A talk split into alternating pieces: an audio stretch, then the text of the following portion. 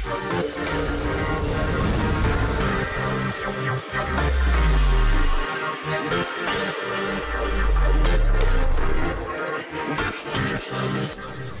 story time. Storyteller aku hari ini siapa yang gak kenal dengan beliau? Dia bintang film dijalanin, pemain sinetron dijalanin, Abang None tahun 1993, Putri Indonesia 94 sampai masuk ke dunia politik. Semuanya sangat potensial, sangat luar biasa. Yes, Mbak Vena Melinda. Alhamdulillah, akhirnya diundang juga sama Sanjay.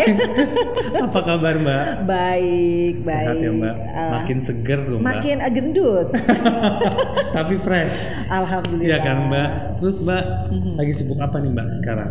Ya sama lah kita. Eh enggak ya, kok kita ya? Aku ya. Sama aku, kita sebetulnya.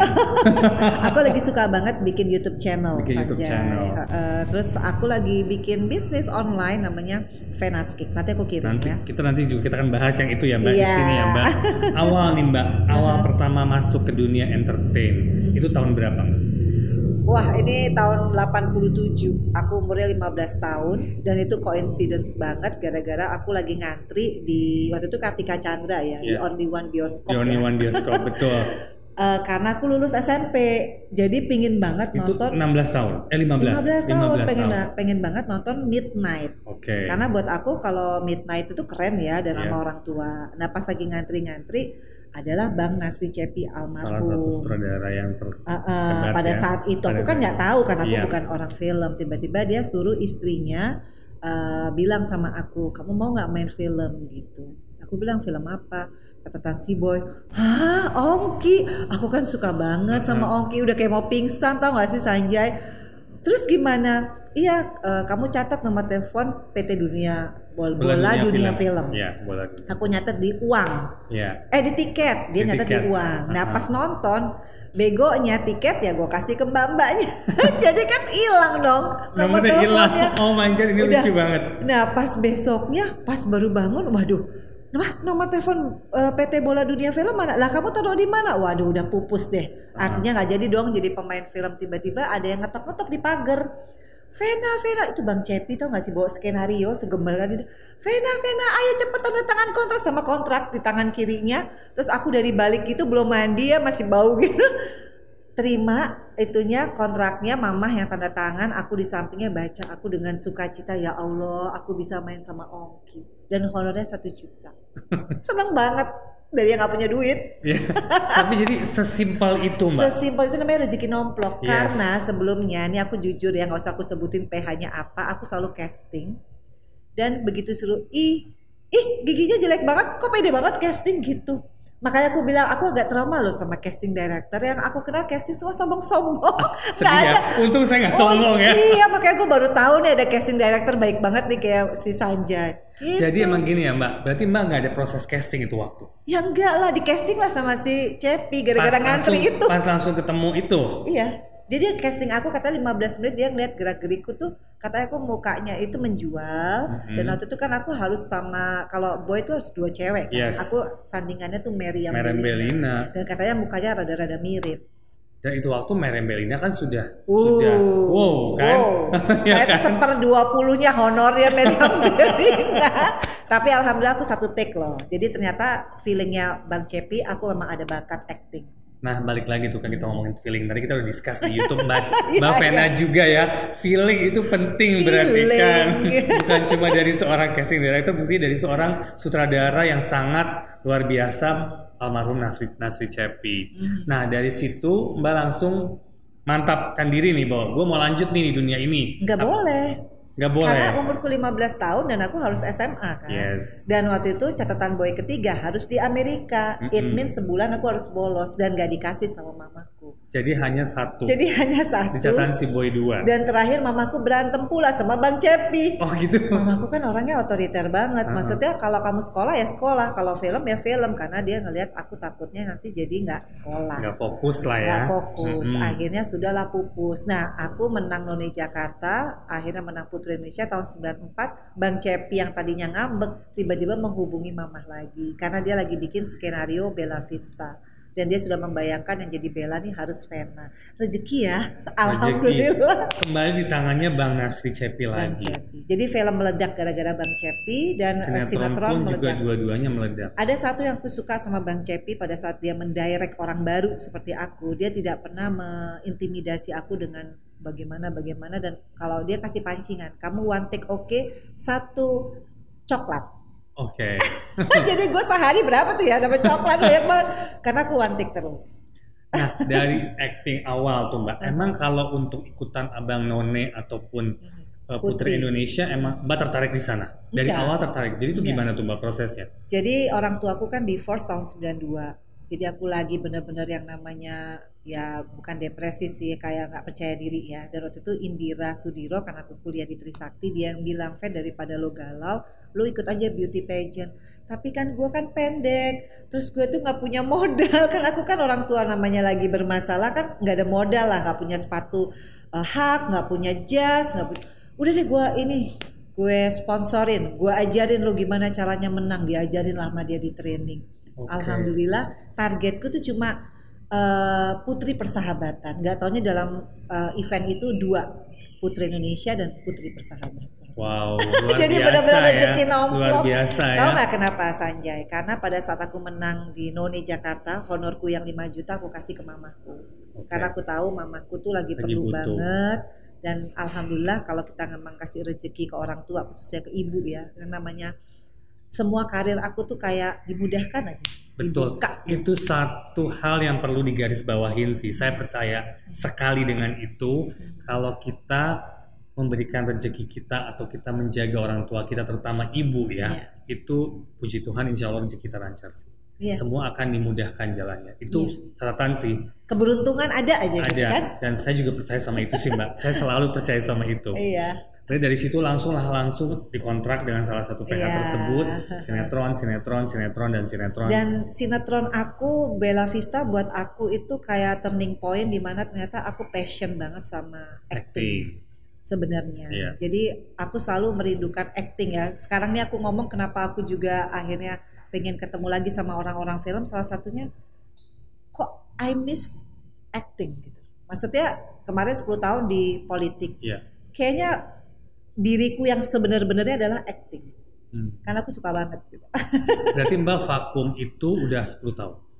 Lebih Lebih. karena sebelum aku eh, politik 10 tahun kan aku menjadi salsa entertainer. ya. aku nggak acting sama sekali karena waktu itu anakku yang kedua Atala masih kecil dan pernah dibully sama babysitter sejak itu aku kayak berjanji duh gara-gara syuting gua kok bisa ya kecolongan anakku di diapain atau di Atala ya pokoknya diperlakukan yang nggak ini dan yang laporan feral jadi aku berjanji kayaknya aku nggak mau syuting lagi jadi aku di total-total hampir 20 tahun nggak acting Nah, dalam 20 tahun itu seperti barusan tadi Mbak bilang juga your passion is acting. Iya. Pasti kan ada kangen, Ih, kangen ada banget. kepengen, ada apa yang dicari nih Mbak sekarang ke depannya? Aku tuh pingin banget terakhir aku tuh berperan inget banget di Maha Pengasih. Aku jadi orang yang sakit eh, kanker dan waktu itu di s- eh, skripnya sebenarnya nggak ada aku harus jedukin kepalaku ke kaca pada saat aku lihat rambutku rontok gitu. Tapi karena aku suka acting, aku tuh banyak hal-hal yang di luar dari skenario aku sebagai totalitas aku aja gitu. Aku tuh suka peran-peran yang kayak gitu. Sampai waktu itu kan Marini ya yang Yes. jadi ibuku bilang, "Fan lu jangan gitu banget deh aktingnya gue jadi takut." Karena apa pada saat aku meninggal kan akhirnya di rumah sakit pada saat itu aku bisa nangis gitu padahal udah meninggal terus gitu itu pas banget momentum karena aku menjiwai banget peran itu di mana aku meninggal gara-gara kanker dan proses setiap harinya aku lihat suamiku akhirnya meninggalkan. Aku tuh kayak ngebayangin kayak gue tuh emang di situ. Sampai Marini bilang lu jangan gitu-gitu banget gue jadi takut Hmm. aku emang total banget gitu. Jadi aku seneng peran-peran yang kayak gitu. Yang belum dapat ya psycho psycho tapi kan udah berhijab ya gimana orang? Mungkin ya nggak tahu lah. Pokoknya Tapi aku suka acting. Awalnya ada basic sekolah acting kah Enggak. atau belajar kah atau emang semuanya otodidak? semua alhamdulillah otodidak. Karena dari kecil kan aku lihat mama papaku kan memang tidak pernah harmonis ya. Jadi aku lihat mamaku tuh yang bener-bener fight buat aku beli susu sampai dia kerja di salon sampai dia dan dia selalu doktrinnya Vena kalau kamu pengen makan enak kamu harus kerja. Kamu harus jadi perempuan yang mandiri. Kamu harus jadi orang yang jujur. Kamu harus jadi orang yang benar-benar membanggakan mama Jadi pada saat mereka divorce di saat umurku 20 tahun, sebenarnya aku antara aku seneng, aku seneng karena nggak lihat pemandangan orang berantem. Dan di satu sisi aku seneng, eh aku sedih karena aku melihat, wah ini mama papa udah eh, nggak satu rumah. Dan di saat itu adalah aku menang None Jakarta kan. Jadi Ya. sebenarnya aku terobses untuk selalu prestasi karena aku sayang banget sama mama. Aku selalu ingat omongan dia, memang keluarga ini dari awal udah nggak bener gitu. Jadi kalau kamu sayang sama mama, hal yang mesti kamu lakukan adalah berprestasi. Dan tiba-tiba aku ngalamin sendiri perceraian itu. Alhamdulillahnya Feral juga sama seperti aku ngebalikin paradigma bahwa nggak semua anak broken home. Ya aku bersyukur aja karena dari kecil kan Feral aku yang pegang. Iya. Atala, aku yang didik, aku yang wah pokoknya aku dedikasi lah jadi ibu. Jadi di saat ini dia sekarang sudah menjadi Feral yang sekarang, aku cuma bilang ya Allah bersyukur bahwa apa yang aku ajarkan kepada nih anak itu benar-benar bisa jadi karakter dia yang saat ini gitu. Yuh, saya dengarnya sampai sedih tapi terharu banget dengan perjuangan Mbak Vena ya. Mungkin banyak orang yang nggak tahu Iya. di belakang sana kan orang selalu melihatnya bintang Mbak Vena itu kayaknya wah gitu glamor ya. Tapi kan perjuangan Mbak Vena dari bawah ternyata Oh, dari kan benar-benar sampai sekarang nggak semudah itu kan, tidak Iya. semulus itu. Iya. Tapi kan dengan kita berjuang. Ya ada hinaan orang. Pernah kan aku bilang tadi casting aku selalu ditolak. Tiba-tiba Allah baik banget. Aku jadi peran pembantu utama di catatan si boy. How come? Yes. Kalau bukan kerja dari Allah. Yes. Dan yang kedua dulu sebelum main lagi Bella Vista, aku kan juga pernah jadi PR ya di salah satu orang jualan tanaman. Oh iya, Aku udah mayungin orang, dipecat lagi tau gak sih Sanjay? Dipecat. Gak tau pada aku udah nombok kan, bayangin aja dari Bintaro ke Taman Mini berapa, aku Iya. gaji cuma berapa. Setelah aku dipecat, aku ikut None, menang lah None Menang, Jakarta. None Gak tau emang harus mendampingi Ibu Tin almarhumah ke tempat penjualan yang sama. Tanaman itu. Jadi yang me- yang mecat aku manajernya kaget nih orang kayak gue pecat kok jadi none Jakarta. jadi memang di hidupku tuh lucu. Di satu sisi aku jatuh, pasti habis itu aku dikasih sesuatu yang luar biasa. Itu selalu begitu. Nah itu unsur luck itu ada. Luck banget. percaya nggak percaya sayang kita harus berdoa balik Bener. lagi kita berusaha pasti bukan cuma mau duduk manis Iya. terima sesuatu nggak bisa juga in life seperti itu tapi emang perjuangan mbak ini luar biasa mbak sampai sekarang mbak tawaran bermain pasti banyak dong mbak film kayak sinetron Nggak kayak ada. Waktu aku di politik itu salahnya aku terlalu konsen. Jadi mau jadi ini aku nggak mau, mau jadi itu aku nggak tapi mau. selama waktu zaman di politik itu tawaran masih terima Masih, banyak tapi kan aku yang nggak mau. Nah sekarang aku mau orangnya sukanya satu-satu saja. Ta- Sekarang aku udah free. Aku pikir it's time ya. Apalagi kalau misalkan bisa satu frame sama Feral. Iya. Karena aku tahu di antara Feral sama Atala yang passion banget untuk acting tuh Feral. Dia tuh Feral. kayak aku. Ve- Vena Melinda versi kedua karena dia jauh lebih perfeksionis. Aku udah perfeksionis, dia 10 kali lipat dan aku bangga banget sama Feral sekarang ya. Maksudnya ya dia bisa menjadi contoh adik-adiknya dengan Iya. dia mandiri Iya, sekarang. betul. Nah, setelah Mbak di politik sekitar 10 tahun kan, Mhm. sekarang kan mungkin lebih sedikit longgar Iya. waktunya. Eh, apa aja Mbak kegiatannya sekarang, Mbak? Jadi ini lucu nih, uh, aku kan bikin Venus Cake ya, itu kan jualan online. Mungkin cake berapa sih gitu, tapi banyak orang yang nanya, lu nggak malu ya? Maksudnya dari DPR RI dua periode kok mau jualan Venus Cake gitu. Tapi di satu sisi aku sekarang ngelihat, ih ternyata hidupku tuh setelah uh, pandemi ini ya Iya. banyak ba- banyak waktu merenung gitu. Siapa sih Yes. diri diri aku sekarang? Aku tuh bukan lagi orang yang terobses, oh orang dibilang sukses tuh karena jabatannya A atau orang sukses karena rumahnya ada berapa puluh enggak. Tapi di saat aku bisa sekarang itu di titik yang apa aja happy loh. Padahal jomblo gitu ya. Padahal ke mana-mana wirawiri sendiri gitu ya. Terus eh, orang bilang ya kok jualan cake gitu. Maksudnya kan kalau achievement orang yang berpolitik adalah kan harusnya habis eh, legislatif, eksekutif atau Iya. apa. Aku justru kayaknya bukan di titik itu. Dan aku pengen jadi diriku sendiri di hari yang udah lumayan ya 49 tahun kan Sanjay. Pengen nikmatin hidup aja dengan apa pun profesi yang aku memang suka. Wah, sangat bangga sih dengan Mbak Vena ya, Mbak. Ngomongin bisnis kue, Uh-uh, Vena's Cake. Venus Cake. Awalnya gimana tuh Mbak bisa kepikiran untuk aku bikin kue deh, emang Ya. hobi awalnya atau emang suka masak? Jadi aku nih bukan baker. Ya. Aku ini punya bakers. Jadi uh, punya konsep fancy. Fancy itu aku bunga-bunga. Nanti aku kasih lihat ya. Ya. Jadi bunga-bunga ini itu gradasi warnanya sih yang bikin kayak fashion cake Ya, gitu. oke. Nah, jadi akhirnya aku pikir dengan pandemi ini selain YouTube channel aku bikin Vena's Cake dan yang akan datang itu adalah Vena Melinda Collection. Itu- Collection itu adalah kayak clothing line Oke. tapi baju-baju kaftan yang ala Middle East yang ala aku karena aku kan baru berhijab juga. Jadi Mhm. ke depannya memang aku lagi pingin ya sekarang kan media sosial tuh kan lumayan Sangat- ya lumayan sangat bagus, menunjang sangat- untuk sangat. promosi. Iya. Jadi harus akhirnya sekarang aku nggak mau gaptek.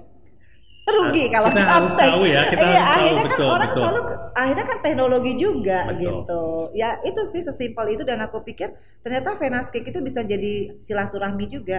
Jadi ada fansnya Feral, fansnya Atala, fansnya Fania, anakku yang kecil kan udah punya komunitas Iya. juga fanbase. Kemudian aku juga bisa apa ya melalui Venas Cake itu aku berkreasi kan akhirnya. Betul. Mungkin next time aku harus buat Vena Boutique Cake. Gitu. Yes, keren, Nanti. keren, keren, keren, keren.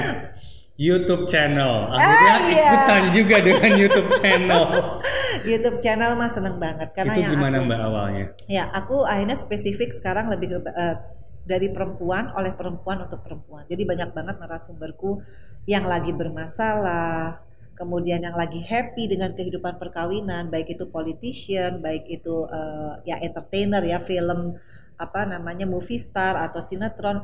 Pokoknya semua orang-orang yang punya key of success yang orang nggak tahu. Kayak kemarin Nikita Mirzani orang kan kesannya gimana ya. Tapi begitu aku tanya dia motherhood banget. Yes. Karena setiap orang tuh pasti punya sisi yang Sisi. kita nggak tahu. Yes. Jadi Jangan aku hanya melihat depan ya. Nah, jangan lihat packaging. Betul, Jadi aku packaging. lebih suka ya itu apa ya eh, encourage perempuan. Misalkan aku ada temanku anggota DPR kan orang nggak tahu apa sih kerjaan lo jadi anggota Iya. DPR. Ternyata dia turun ke masyarakat itu aku juga sharing dan banyak banget lah tema-tema yang menurut aku orang harus tahu nih kalau perempuan Indonesia itu luar biasa sebenarnya.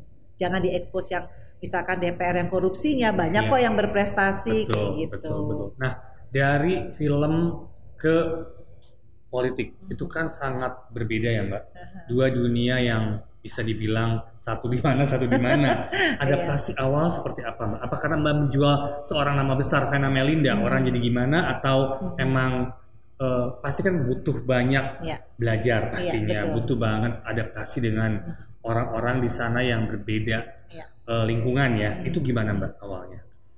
Awalnya stres ya karena pasti. aku orang yang sangat mobile, dinamis, itu sudah duduk berjam-jam.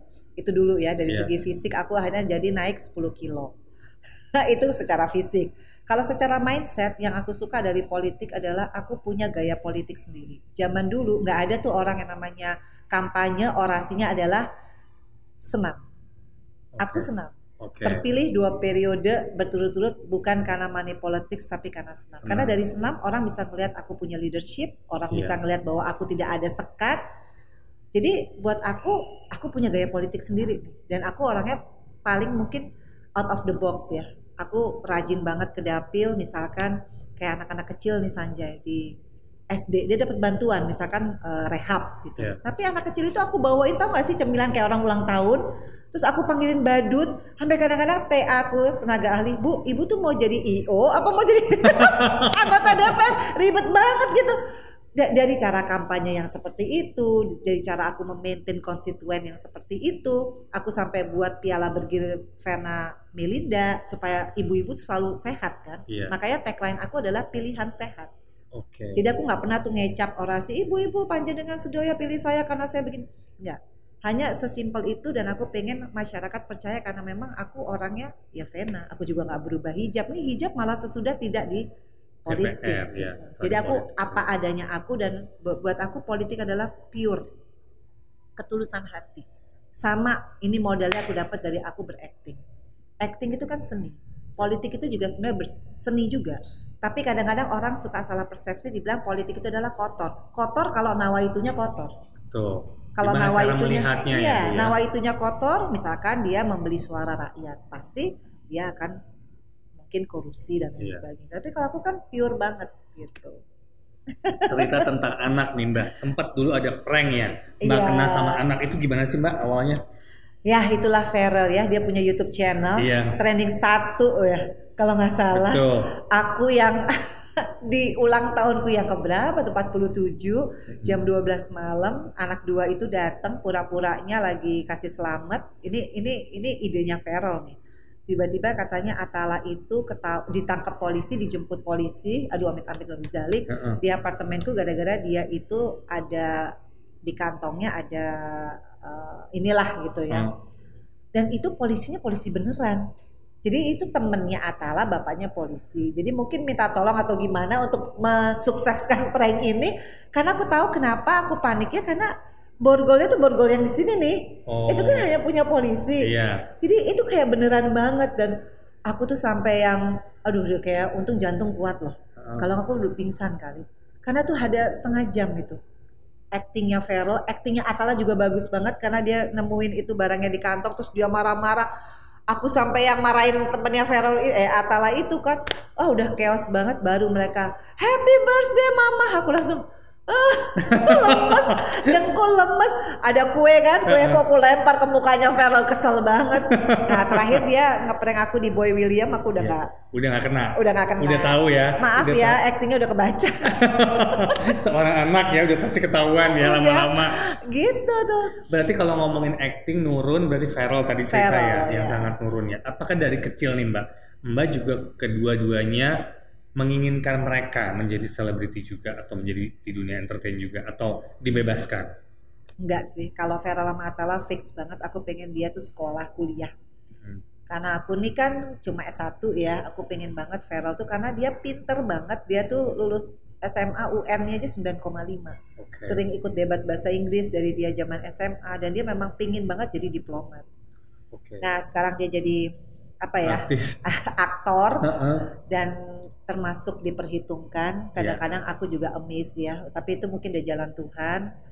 Karena aku nggak nyangka tiba-tiba Atala juga ngikut meskipun dia passionnya nggak terlalu ke acting, tapi dia kreatif banget dengan contoh nih dia kan jadi endorse apa eh, apa ya, influencer. Influencer. Endorsementnya banyak, tapi dia bisnis side job-nya apa? Aku bilang mobil kamu kok ganti-ganti mulu, mobilmu tuh yang mana?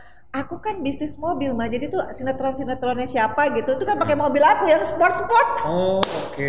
jadi pinter banget jadi dia invest ke mobil supaya dipakai kan Buat syuting. syuting kan harian Butuh. lumayan loh Lumayan, yes. mobil lumayan. sport jadi Iya. dia sekarang penghasilannya dari endorsement dan yaitu dia akan bikin katanya showroom mobil.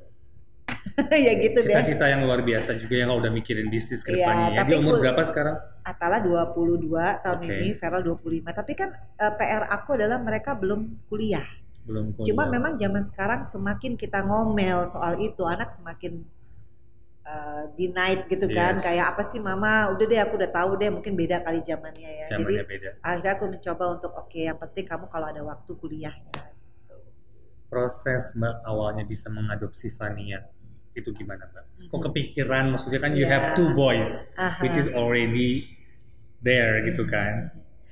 aku sih uh, bilangnya memuliakan Yes. karena buat aku Fania tuh hadir di saat aku lagi bener-bener uh, terpuruk ya karena setelah divorce kan aku sempet sama Vera sama Atta tuh sempat jauh ya nggak satu rumah dan aku suffer banget tahu dong yang Iya. namanya biasanya dari anak itu baru lahir sampai aku divorce kan selalu dalam genggaman aku pelukan aku tiba-tiba mereka ini waktu itu tahun 2013 sampai 2016 tuh aku sampai kurus sampai wah pokoknya out hampir out of mind ya padahal Hmm. kerjanya tuh orang yang mesti ya pikirannya harus waras terus kan gitu. Nah, tiba-tiba di satu hari aku ingat banget 17 September itu aku baca di media online telah ditemukan bayi perempuan di toilet masjid. Karena itu masih pagi banget, jam setengah enam. Seperti ada yang bisikin di kupingku, cari anak ini. Otomatis aku suruh stafku cari dan dalam uh, satu jam ketemu. Cuma karena ini penelantaran anak, jatuhnya kan pidana. Jadi kita Yes. nggak boleh jenguk gitu. Akhirnya aku ngomong sama Kapolsek. Nah karena Kapolseknya tahu kalau aku tuh DPR, dia pengen curhat. SOP menemukan anak telantar yang which is itu kan dia prematur dan dia tali pusatnya nggak dicabut sama orang tuanya. Jadi dia tuh sebenarnya udah hampir lewat. Dia udah sudah membiru, berat badannya cuma 1,7 kilo kayak botol gitu. Ada SOP yang dia pengen harus ada perubahan dong. Kalau anak sehat ditemuin mah nggak apa-apa. Kalau anak hampir lewat gimana? Nah aku dengar gitu hanya aku pikir ah, aku pengen biayain deh berapa sih biaya rumah sakit datang itu pengen bayarin doang nggak kepikir untuk memuliakan Ambil. nah itu hari Sabtu hari Senin aku datang kan semua bilang mama Iya. Mama udah bilang udah kamu ambil aja kamu ambil aja kamu rawat aja. Padahal kita nggak ada yang tahu Fania tuh cantik apa enggak sehat apa enggak nggak ada yang tahu. Nggak ada yang tahu. pokoknya di inkubator. Begitu nyampe aku bayar masuk ke atas dibuka kerennya kan dia di inkubator. Dia nengok ke aku langsung aku kayak ada yang bisikin lagi ambil ini langsung aku ngomong sama dinas sosial udah saya aja yang memuliakan oh nggak bisa ibu kan nggak masuk kualifikasi ibu kan single parent udah punya anak kan nggak boleh gini gini loh tapi kan saya yang di sini saya yang serius udah saya ikuti apa prosedurnya jadi 9 bulan saja kayak orang hamil Prosedurnya. prosedurnya dan prosesnya sampai dia akhirnya alhamdulillah legal jadi anakku yang ketiga. Selama 9 bulan itu dia Selama di sembilan. Aku oh udah udah dipegang. karena begitu keluar 10 hari dengan keadaan dia sudah 2 kilo sudah sehat tadinya kan keriput kayak orang tua karena nggak ada dagingnya ya makanya buat aku setelah aku bawa pulang hari ke 10 tiba-tiba Feral sama Atala yang tadinya ya Allah aku susah banget ya aku mau bagaimana ketemu hari itu juga mereka bawa koper tinggal sama Puji Tuhan ya. Jadi itu yang namanya aku bilang skenario Allah itu bukan aku dikasih laki-laki untuk jadi suamiku, tapi aku dikasih anak perempuan dan sejak itu aku nggak pernah jadi orang yang ketakutan apa pun. Karena believe it or not, eh, Sanjay Fania tuh masih kecil, tapi setiap kali dia bangun matanya memandang aku aja, di situ aku tahu bahwa anak ini tuh adalah malaikat. Karena sejak adanya dia tuh aura dia yang positif tuh nular ke aku. Jadi aku nggak ada lagi pesakitan, nggak ada lagi takut kehilangan anak, kehilangan makhluk lah Ya, siapa pun, gitu. siapa pun itu. Karena dialah yang membuat aku jadi lebih semangat. Karena kan kalau aku ada apa-apa, terus dia bagaimana? Jadi aku sekarang olahraga rajin, positive thinking. Karena kan ada ini amanah ya, amanah setuju. gitu. Itu yang harus aku harus umur panjang ya. Amin amin amin kita semua ya Mbak. Yang penting Iya, sehat, penting umur sehat, panjang, happy. happy. Jangan jangan terlalu dipikirin ya. Betul. Kalau ngomongin pandemi, kita semua lagi pandemi Iya. seluruh dunia. Makan tabungan, iya makan tabungan. Iya. Tapi jalanin aja ya Mbak. Jalanin. Dengan senang hati deh. Betul. Ada perbedaan nggak Mbak mengurus Fania dan yang sebelum pasti ada lah karena kan Fania perempuan Iya, gitu kan. iya. Tapi tadi aku sempat tersentuh sih pas Mbak ngomong seperti malaikat Iya. di anak ini gitu mungkin dan Mbak selalu dap- datang lihat dan langsung kayak langsung pengen ngambil dan Iya. maksudnya ada yang bisikin itu itu luar biasa sih Mbak. Iya. Balik lagi feeling, Iya, feeling. feeling lagi kan. Eh, aku hanya percaya kenapa Fania di tanganku. Karena 10 tahun aku di DPR hal-hal baik yang aku aku kan wakil rakyat ya. Semua program pro rakyat, semua tugasku, kewajibanku sebagai wakil rakyat aku jalanin benar-benar pakai hati. Jadi kalau boleh dibilang politik itu sebenarnya passion aku juga. Mungkin dengan media yang berbeda. Media Tapi yang berbeda. artinya hidupku tuh bermanfaat. Itu sih yang aku rasain. Nah manfaat kebaikan-kebaikan itu kan untungnya bukan di aku aja. Contoh Feral. Bagaimana mungkin dia in the right time gitu ya. Tiba jadi bintang. Selain dia punya capable untuk itu ya. Itu kan rezeki dari Allah. Betul. Sejak aku memuliakan Fania. Semua yang namanya Feral itu rezekinya Alhamdulillah bagus. Puji Tuhan ya. Atala dua tahun yang lalu tabrakan hancur mobilnya dia satu beset pun enggak. Mau dibegal sama orang kemarin dia sendirian udah linggis udah deket kepalanya tiba-tiba ada orang naik motor nahan orang uh, begal itu. Gimana caranya kalau bukan perbuatan baik apa yang kita perbuat itu pasti karmanya ke anak cucu kita. Jadi itu yang aku berpikir bahwa Allah tuh baik banget. Jadi aku dikasih Fania untuk menjadi penguat aku. Jadi magnet buat kakak-kakaknya. Karena pada saat itu tiga tahun aku suffer susah istilahnya pingin sama anak gak ada aksesnya dan lain sebagainya buat aku gimana caranya kalau bukan Allah yang nolong Betul. gitu. Tapi ya itu tiba-tiba semua diatur sedemikian rupa dan aku tuh cintanya sama Fania tuh emang bener-bener ya kayak aku ngelahirin aja tapi bedanya tidak lahir dari rahim dia lahir dari hati. Lebih Yes. dekat.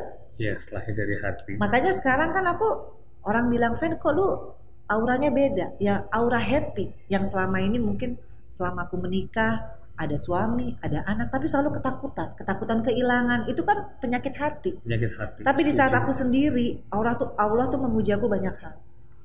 Baik itu dari pekerjaan dari perceraian dari pernah jauhnya aku sama anak-anak untuk supaya aku oh ya kembalinya ke mana? Ke Allah. Yang dulu mungkin aku terlalu asik gitu ya punya suami. Suka mungkin lupa. Yang terutama sama ibu sendiri sama Allah. Makanya emang ujian Allah kepada umatnya adalah dia dikasih di satu fase kehidupan yang dia harus eh lu bangun loh. Betul. Bukan- Kita harus diingatkan ya. nah lewat satu kejadian. Satu kejadian betul. jadi akhirnya aku sekarang belajar yaitu terima kasih terus sama Allah sampai detik ini yang gak usah mimpi jabatan lagi karena semua hal kan udah dikasih Ya. jadi putri Indonesia politician jadi pengusaha dulu Vena Melinda Studio, Studio, betul. sekarang Vena Cake. Melinda Channel Oh, Pena Cake, Iya, Pena Pena Channel, Cake. Ah, pokoknya- lanjut lagi Pena Butik, Iya. insya Allah ya semuanya Amin. tercapai. Ya, intinya selama kita mau rajin, mau bekerja keras kan sebenarnya eh, rezeki itu ada aja sih sebenarnya. Betul. Kita harus berusaha yang pasti Mbak, Berusaha. bukan cuma duduk manis berharap Iya. terima kan banyak Mbak yang sekarang begitu kesannya. Betul. Bisa langsung terima nggak seperti itu Jangan prosesnya. instan lah. Jangan instan, setuju. dalam hidup nih Mbak, apa kira-kira yang Mbak rasa belum tercapai dalam kehidupan? Aduh, kalau Banyak, sekarang Mas. sih alhamdulillah Sanjay pengen banget punya anak perempuan, bayangin gak punya suami, Allah kasih aku anak perempuan. Karena sebelum aku bercerai, aku tuh keguguran anak. Oke. Waktu aku keguguran, saking sedihnya aku mimpi dan dalam mimpiku itu adalah anak close up mukanya kayak Fania yang sekarang. Oke. Tahun depannya aku divorce, pupus dong. Mm-mm. How come aku bisa punya anak perempuan? Usiaku udah berapa waktu itu? Akhirnya tiba-tiba 2016 tadi ada Fania, aku tahu jawabannya bahwa Allah itu bisa memberi apa yang kita mau asalkan kita sabar. Jadi aku bukan dikasih harta yang berlimpah, enggak. Dikasih anak yang sukses seperti Feral, Atala sekarang, dikasih anak perempuan which is lagi gak ada suaminya, itu udah berkah luar biasa. Jadi mau ngapain lagi mau komplain? Kecuali sekarang jadi orang harus sehat karena aku udah usia 49 tahun, aku harus jadi idol, jadi icon yang baik buat anak-anakku, makanya aku berhijab karena aku udah ngerasain eh, semua hal udah aku lakukan, tapi mungkin bagaimana kita bisa lebih beriman menuruti apa yang menjadi perintah Allah adalah hal yang mungkin aku lakukan adalah aku harus berhijab dulu. Itu yang belum aku lakukan kan. Jadi insya Allah melalui hijabku ini aku juga berproses lebih banyak mengevaluasi diri supaya anak-anakku bangga bahwa meskipun mereka mungkin eh, broken home khusus Feral Atala tapi mereka punya mama yang selalu bisa membuat mereka proud of. Begitupun apa yang aku alamin sekarang, aku pengen Feral sama Atala juga belajar dari kekurangan eh, mama papahnya jadi laki-laki yang sejati, jadi laki-laki yang berkarakter. Dan aku selalu bilang sama Feral sama kalau sampai ada apa-apa sama mama, amanah dari mama cuma satu Fania. Fania. Karena Fania hanya punya kamu dan alhamdulillah aku juga nggak pernah ngajarin sama Atala gimana sayang dan tulus sama Fania. Itu hatinya dilembutin sama Allah. Feral ada rezeki dia dia senengin Fania, beliin mainan, Atala juga gitu. Ya jadi mau apa lagi yang aku ya kalau jodoh aku yakin satu-satu Satu-satu ya. satu-satu. Allah kasih dulu aku kenyamanan hati ada anak perempuan. Nah, insya Allah kalau memang itu rezekiku pasti dikasih. Amin, amin, amin, amin. Aduh, terharu ya hari ini. Benar-benar berbicara dengan Vena banyak banget pelajaran, banyak banget informasi. Kesannya cukup sampai di sini, Mbak. Ada mungkin ada pesan dan kesan untuk yang mendengarkan kita dari obrolan kita tadi. Eh ya, pokoknya aku selalu apa ya, pengen sharing buat semua perempuan-perempuan bahwa eh, ya aku juga perempuan dengan segala macam fase kehidupan. Yang paling penting adalah kaum perempuan itu harus saling menguatkan. Ya. Jadi janganlah isi hari-hari kalian dengan penyakit hati yang mungkin sirik atau dengki atau negatif. Eh, ayo kita harus bangkit dari semua keterpurukan hidup karena sebenarnya keterpurukan itu tergantung mindset kita sih. Ya. Kalau kita bilang itu keterpurukan dan kita stuck, ya stuck lah hidup kita. Iya, Jadi makanya melalui Vena Melinda Channel juga aku boleh ya promosi. Boleh dong sekalian. Sebenarnya aku bukan ngejar AdSense sih. Yang aku kejar adalah apa profesi yang pernah aku alamin, aku pengen sharing. Karena buat aku semua perempuan itu adalah makhluk Allah yang luar biasa. Tinggal bagaimana kita memuliakan diri kita dengan apa yang kita perbuat dalam selama hidup kita. Kalau kita selalu berbuat yang baik, insya Allah yakin anak cucu kita yang akan menerima semua karma baik dari apa yang kita perbuat. Amin. ini hari pembicaraan kita serius banget tapi banyak banget informasi, banyak banget pelajaran, banyak banget eh, kebahagiaan hati yang kita terima Iya. ya dari bincang-bincang dengan Mbak Vena di luar orang melihatnya Vena Melinda glamor Vena Masa Melinda sih seorang bintang seorang ini tapi di belakang itu dia juga berjuang keras untuk mendapatkan Iya. semua yang sampai sekarang jadi emang kita setiap manusia harus tetap berjuang harus tetap berusaha harus tetap berdoa Iya. dan tentunya selalu pakai hati Iya. Thank you so much for today. Jangan lupa subscribe, like, comment, Hello Story with MD Entertainment dan tentunya juga Vena Melinda Channel yang tadi kita barusan collab juga. Thank you semuanya. Thank you MD, thank you, Thank you. Sanjay. Thank you Mbak.